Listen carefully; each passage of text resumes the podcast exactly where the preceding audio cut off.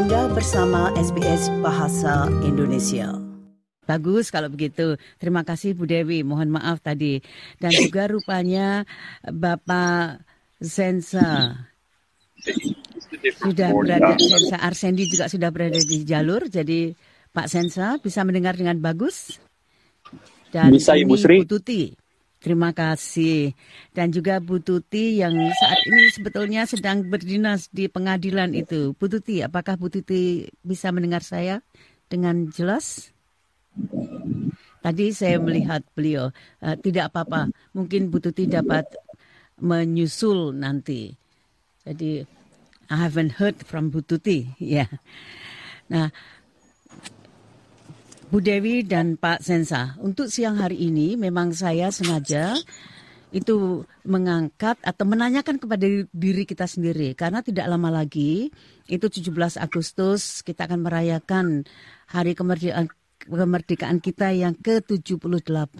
Nah, banyak di antara kita yang sudah berada di mancanegara, tinggal di mancanegara atau belajar dan sebagainya itu. Nah, jadi yang ini pertanyaan yang sederhana sebetulnya. Jadi, bagaimana sih kita itu memaknai diri kita sebagai orang Indonesia itu? Mungkin Bu Dewi dapat memulainya. Bagaimana saya memaknai um, yeah. menjadi orang Indonesia, um, saya yeah. memaknainya. Saya saya bukan orang yang suka menggebu-gebu dalam emosi, tapi saya um, menyalurkan rasa Indonesia saya ke dalam karya-karya um, tulis saya.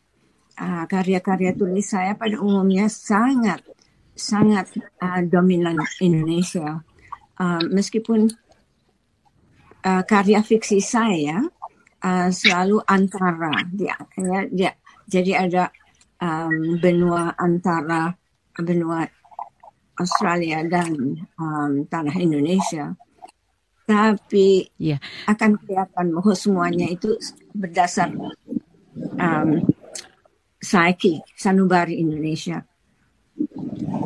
meskipun Jadi, saya di sini hmm. Hmm. Ya, melalui ungkapan-ungkapan yang digunakan dan sebagainya itu.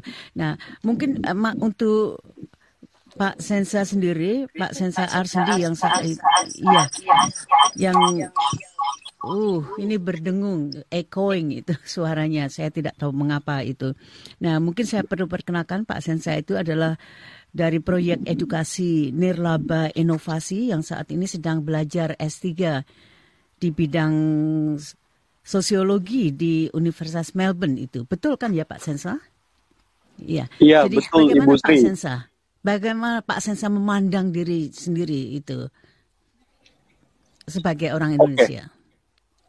Ya, terima kasih Bu Sri atas pertanyaannya. Jadi mungkin karena saya di sini sebagai uh, pelajar gitu ya, jadi uh, tidak jauh berbeda sebetulnya dengan tadi yang disampaikan oleh Ibu Dewi gitu topik riset saya juga tentang uh, Indonesia. Jadi uh, saya membawa konteks Indonesia ke ke ke Australia gitu. Jadi dalam percakapan-percakapan di kelas gitu atau dengan teman-teman dari uh, Australia atau dari negara-negara lain gitu sebisa mungkin saya membawa konteks Indonesia, cerita-cerita tentang uh, Indonesia uh, ke mereka gitu. Jadi kebetulan riset saya tentang pendidikan vokasi di Indonesia jadi saya berharap bahwa apa yang saya lakukan nanti gitu penelitian saya di Indonesia itu juga bisa berkontribusi ke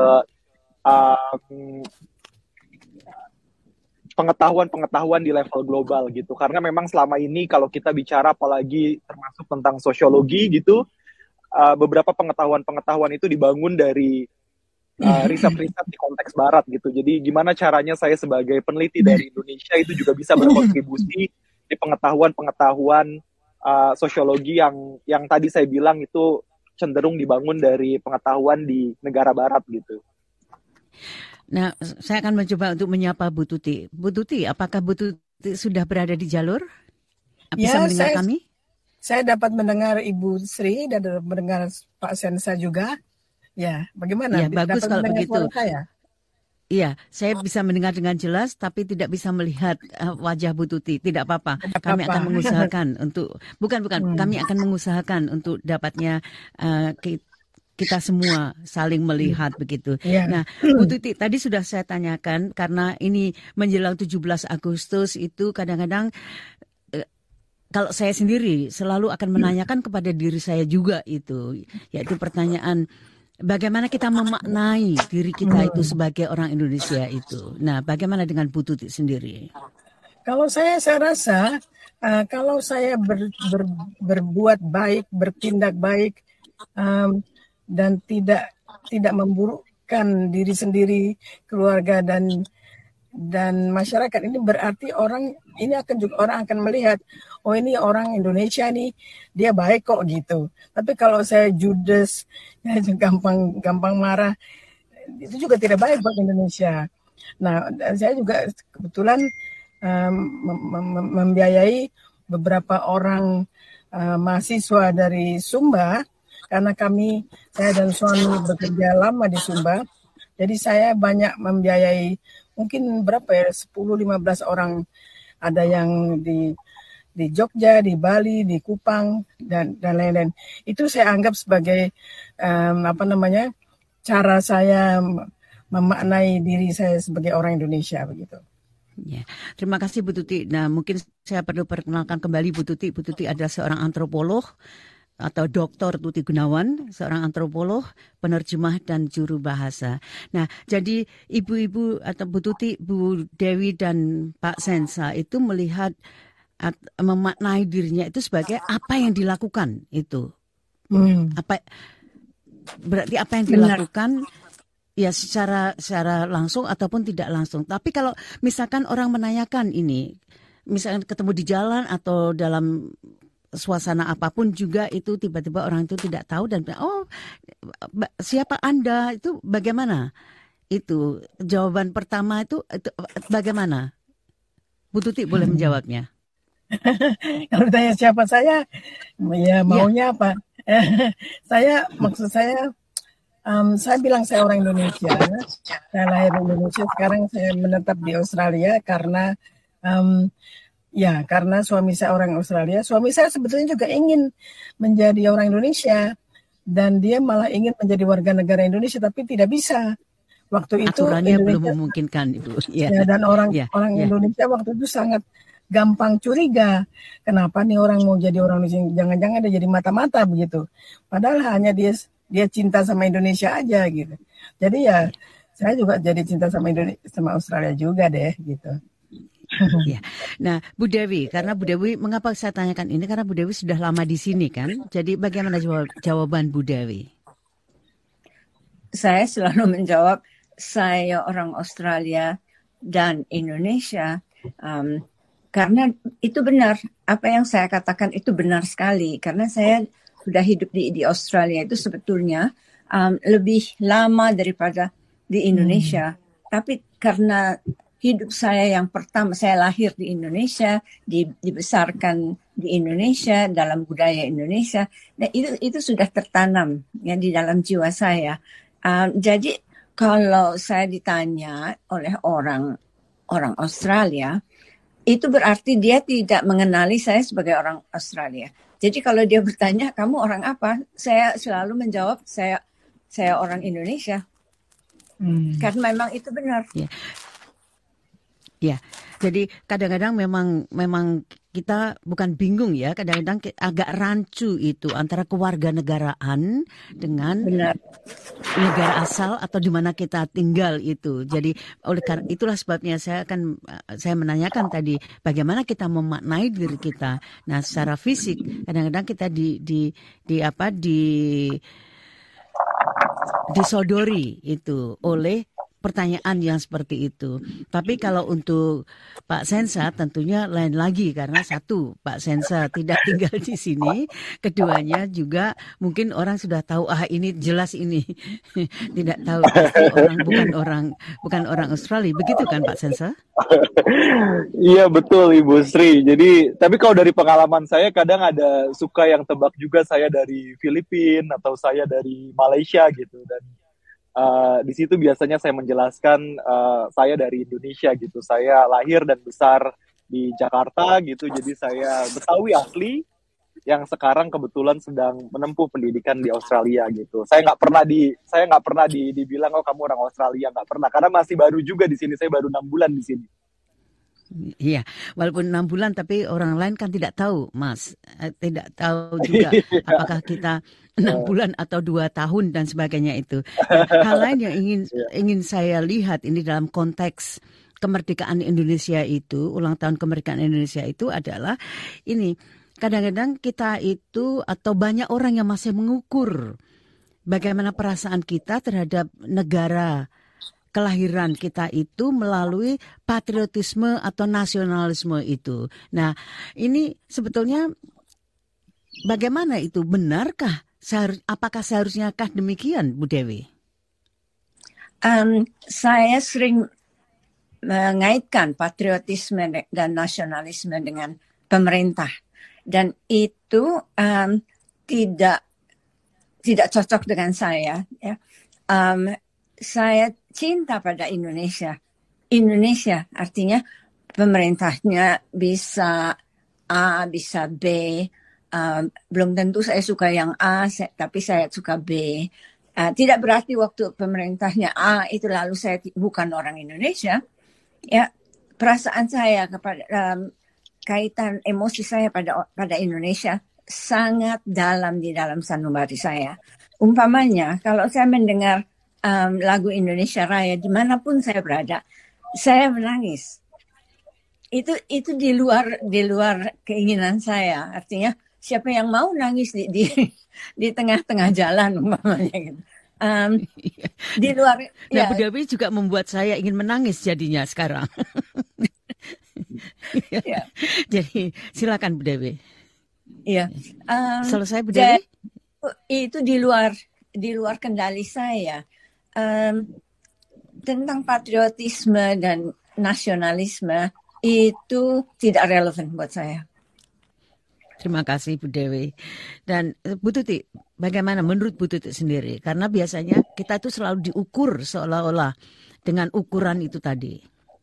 Hmm, ya itu sih yang sama yang aja. Kita kan saya saya adalah saya Anda bisa melihat apa saya adanya. Uh, saya merasa saya cinta Indonesia. Nah, kalau orang Indonesia cinta saya ya bagus lah gitu. Tapi saya merasa um, karena dari sudut uh, dari bapak ibu saya, kami sudah ditanamkan untuk cinta Indonesia. Bapak ibu saya dulu ikut dalam per, namanya gerakan, gerakan perjuangan.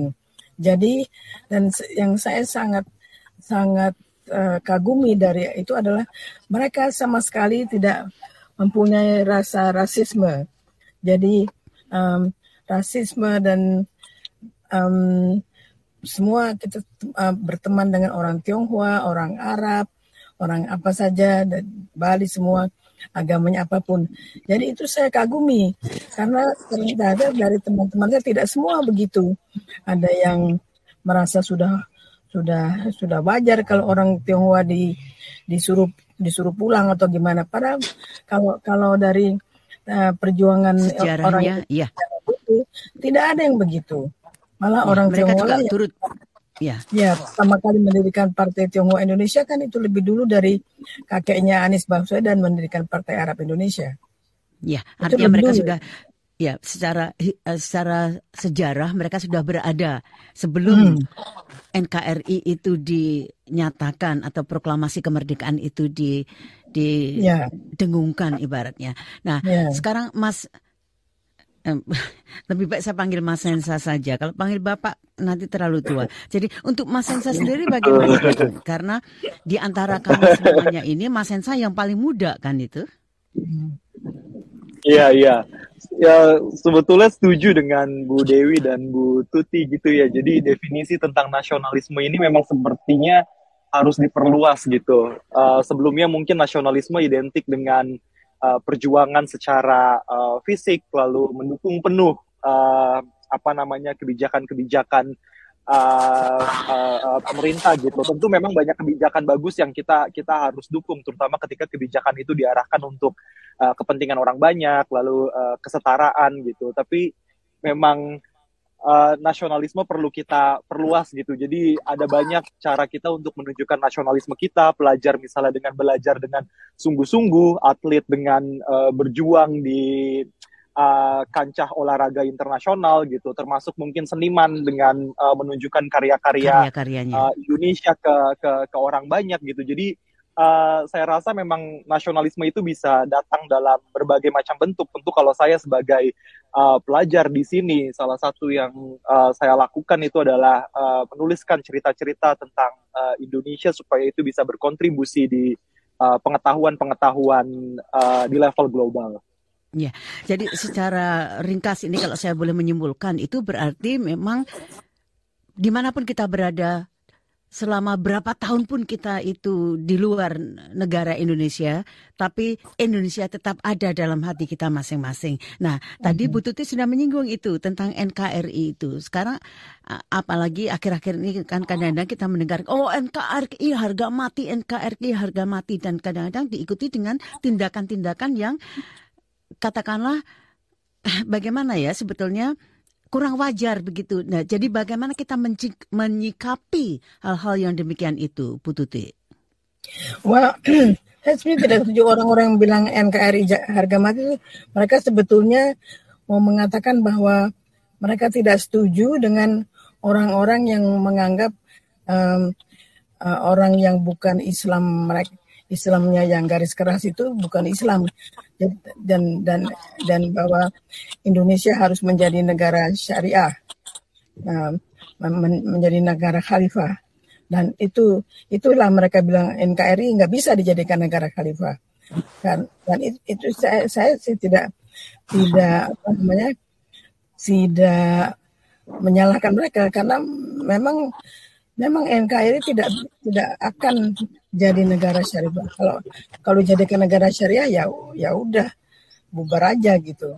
Ya, Ibu Tuti, tapi apakah mereka harus melakukan tindakan-tindakan yang misalkan kadang-kadang justru uh, menyakiti orang lain misalnya atau hmm. atau uh, kekerasan misalnya atau atau seperti perusakan misalnya itu itu yang saya maksudkan. Oh ya, untuk tentu saya perusakan tidak boleh. Siapa saja uh, tidak boleh merusak milik orang, tidak boleh uh, mem, apa, memukul atau men, menganiaya orang itu itu itu sudah sudah um, hukum hukum yang harus ditegakkan tidak tidak bisa. Secara umum, iya, iya. Hmm. Bu Dewi? Ya. Bagaimana menurut Bu Dewi?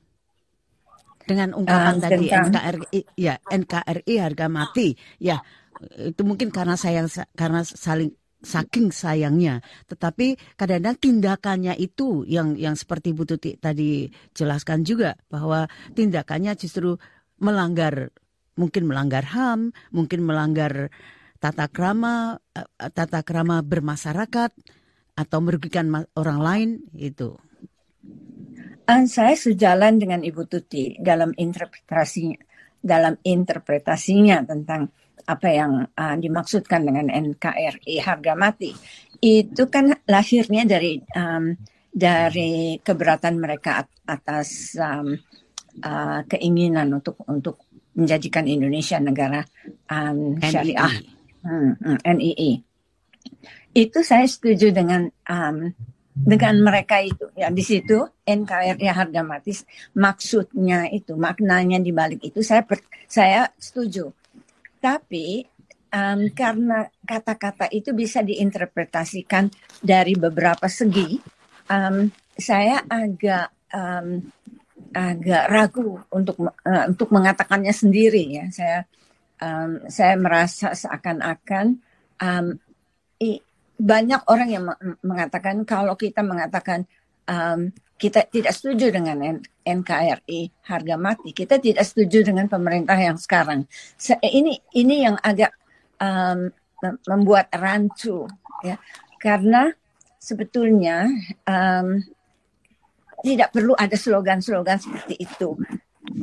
Harus ada yeah. pendidikan ya, pendidik, pendidikan um, masyarakat atas apa yang dimaksud dengan NKRI dan bagaimana itu inklusif dan sebagainya. Itu termasuk inklusif orang-orang yang uh, harus inklusif pada orang-orang yang dianiaya, uh, yang ham yang hamnya dilanggar dan sebagainya. Dan mereka belum tentu memikirkan um, NKRI karena dari dulu mereka itu tidak selalu disisihkan. Tidak buat inklusif artinya. Yeah. Um, NKRI itu menurut beberapa beberapa pengertian uh, orang pengertian orang sementara orang um, mereka itu tidak termasuk dalam NKRI. Nah karena itulah saya um, merasa ragu untuk menggunakannya sendiri.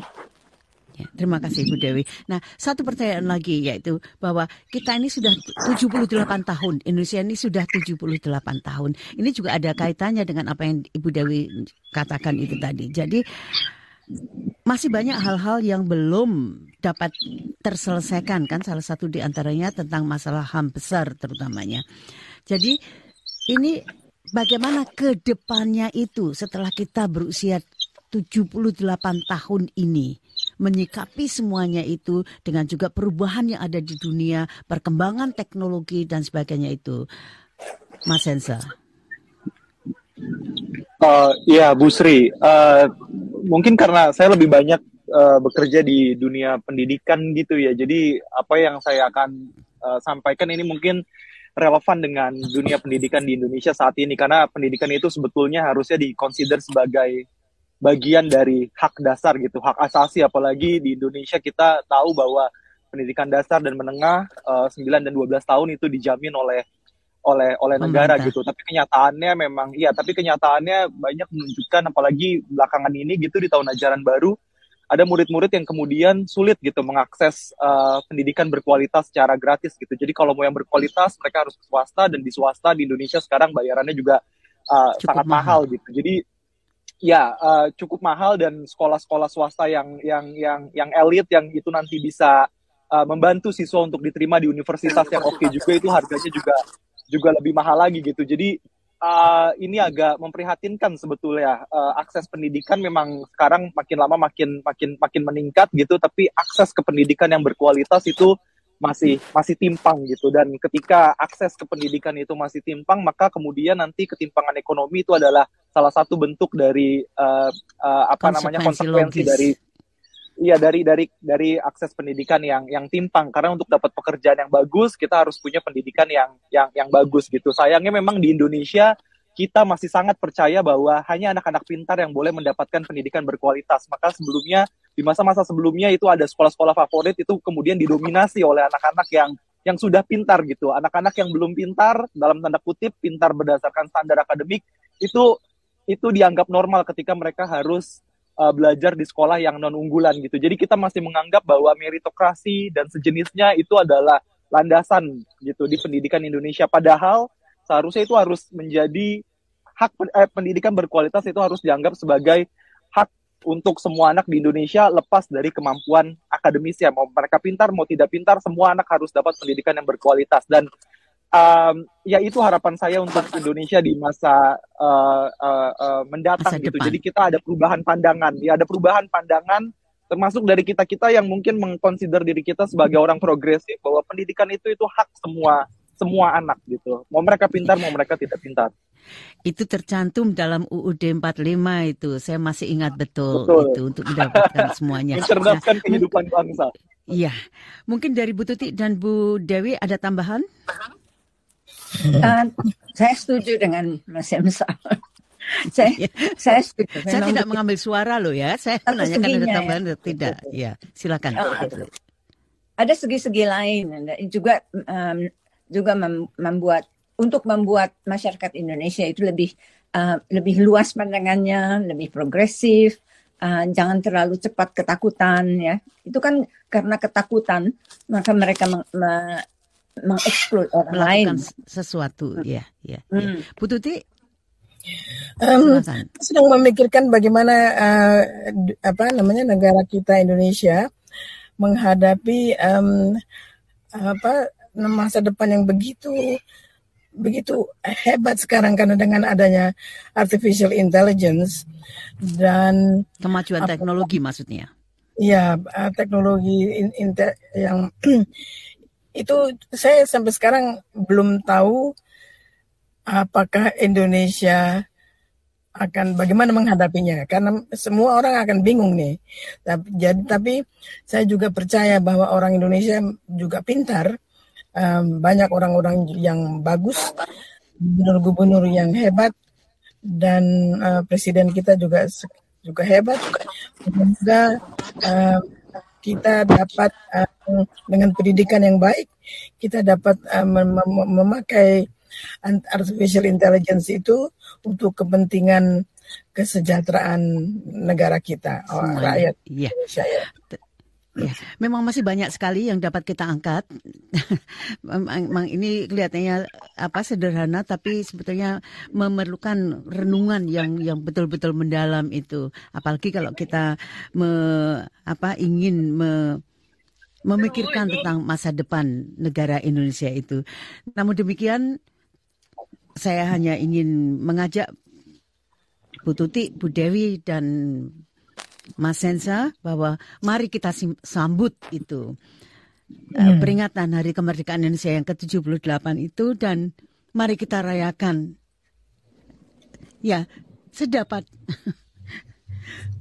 Bu Dewi itu gara-gara Bu Dewi kan saya jadinya jadi ya semaksimal mungkin lah yeah. itu ibaratnya. Mm. Jadi terima kasih sekali Mas Hensa, Ibu Dewi Anggrani dan Ibu Dr. Tuti Gunawan atas ya, Terima kasih kembali. Ya. Sama juga. Terima Selamat kasih sudah merayakan. Sama-sama. Saya juga berterima kasih. Terima kasih. Kemerdekaan Indonesia ke-78. Selamat sore. Selamat sore. Selamat sore. Bu. Sore. Selamat sore semua.